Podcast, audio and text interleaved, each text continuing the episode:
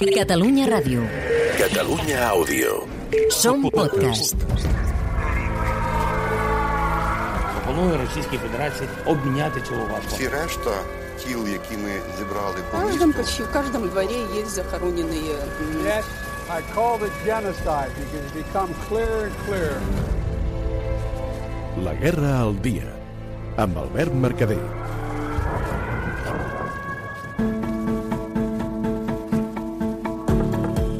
Hola a tothom.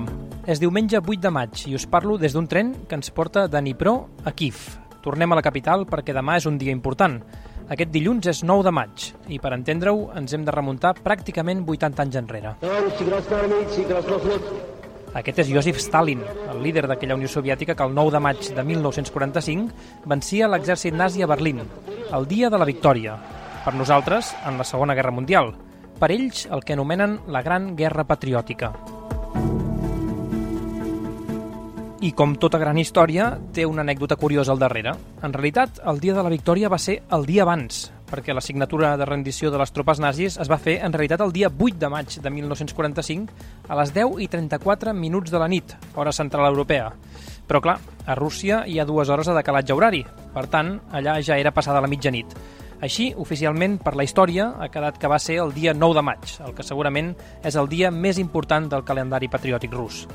Per entendre una mica millor, avui ens ajudem d'un dels que més en sap sobre Rússia, el company Manel Elias, que durant molts anys ha estat el corresponsal d'aquesta casa a Moscou. El dia 9 de maig és una data molt important al calendari del Kremlin. Ha anat guanyant cada vegada més pes amb els anys, especialment en els anys del poder de Vladimir Putin. És quan se celebra la victòria en la Segona Guerra Mundial, un cop les tropes de Hitler intenten envair la, la Unió Soviètica, al final l'exèrcit roig acaba imposant-se i guanyant aquest mal que representa Hitler. I sobre això basa Vladimir Putin moltes de les seves idees que podem eh, resumir en què hem d'estar contínuament preparats per si ens tornen a voler atacar.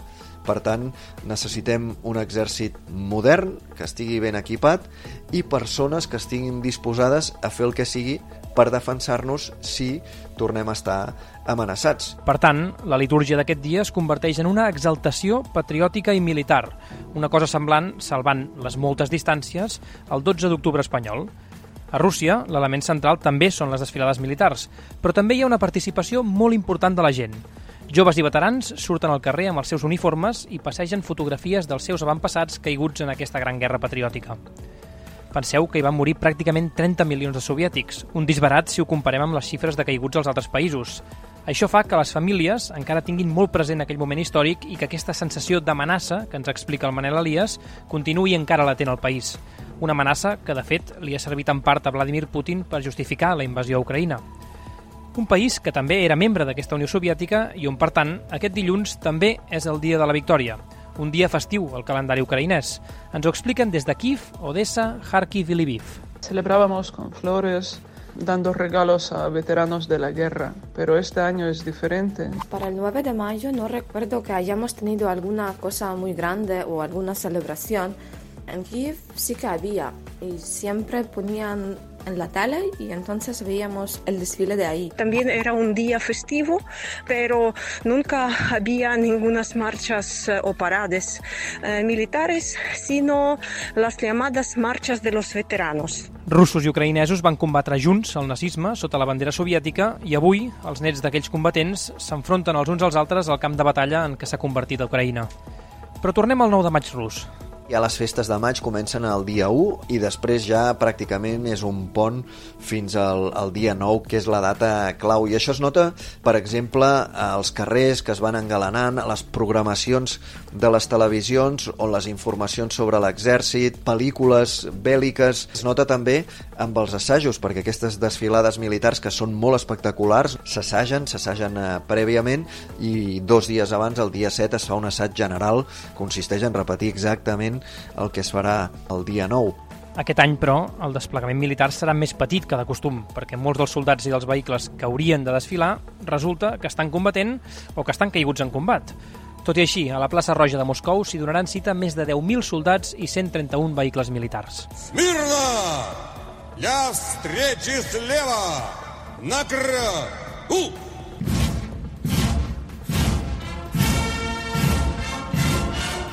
Aquest any hi ha alguns elements que poden ser novedosos. El discurs de Putin, per una banda, si l'aprofitarà o no per fer algun anunci respecte a la guerra contra Ucraïna i també pot ser que hi hagi desfilades a llocs on fins ara no les protagonitzava l'exèrcit rus, com per exemple es parla de si podria haver-hi desfilada del Dia de la Victòria a Mariúpol, com ja passa a Donetsk o a Lugansk, al Donbass, i també hi haurà desfilada del Dia de la Victòria a Mariúpol, per exemple. Aquesta que ens apunta el Manel és una de les grans incògnites que ens depara el dia. El president Zelensky fa dies que insinua que el Kremlin té la intenció de poder vendre alguna victòria, encara que sigui simbòlica, sobre el transcurs d'aquesta guerra. I això, ara mateix, només pot ser Mariúpol, l'única conquesta prou rellevant com per poder-la vendre a la seva parròquia. N'haurem d'estar ben pendents, com també de l'altra gran incògnita, si Rússia aprofitarà el simbolisme de la data per llançar un atac a gran escala en territori ucraïnès. Aquest és un temor que fa dies que sobrevola. Per això, les autoritats ucraïneses també estan prenent precaucions. S'està alertant la ciutadania que no surti dels refugis i hi ha ciutats que ja han decretat un toc de queda de 48 hores. Este año en Odessa no celebramos. Hay toque de queda desde la noche de 8 de mayo hasta la mañana de 10 de mayo, porque el 9 de mayo es una fecha simbólica y los rusos lo usan mucho para propaganda militar, por eso la probabilidad de ataques es más alta que nunca. En Kiev no habrá nada, ningunas marchas, eh, nada de nada. Estamos en guerra, ahora no vamos a tener ningunas marchas ni nada. Y este año obviamente no vamos a tener nada porque tenemos guerra. Incluso este día siempre ha sido un día como festivo, nunca trabajábamos ese día pero este año sí que vamos al trabajo y es laborable. No veo nada que vamos a celebrar mañana y especialmente este año. Tenemos muchos riesgos de más ataques, no es una fiesta. Es una fecha en la historia que lástimamente podemos decir que se esté repitiendo en el territorio de Ucrania. I és que els ucraïnesos no tenen cap intenció de cedir la bandera de la victòria contra els nazis als seus actuals enemics. Escolteu el missatge que ha més el president Zelensky coincidint amb la data. El mal no es pot escapar de la responsabilitat. No es pot amagar en un búnquer. No en quedarà cap pedra. Ho superarem tot. I això ho sabem del cert, perquè els nostres militars i el nostre poble són descendents dels que van vèncer el nazisme. Així que tornaran a guanyar i tornarà a haver pau, per fi, de nou. Si tornarà a haver pau, ho haurem d'anar veient els propers dies. De moment, el que tenim és una guerra encallada. Això sí, amb una Rússia que cada vegada està més aïllada al món i una Ucraïna que continua despertant suports i simpaties fora de les seves fronteres. I l'últim exemple l'hem tingut aquesta mateixa tarda.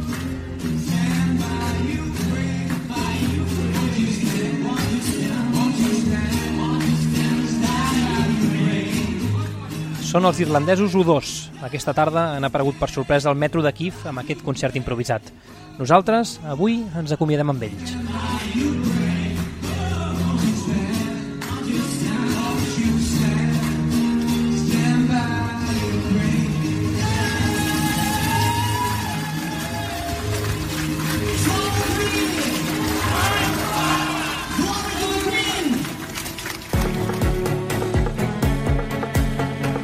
Guerra al Dia és un podcast dels enviats especials de Catalunya Ràdio a la Guerra d'Ucraïna.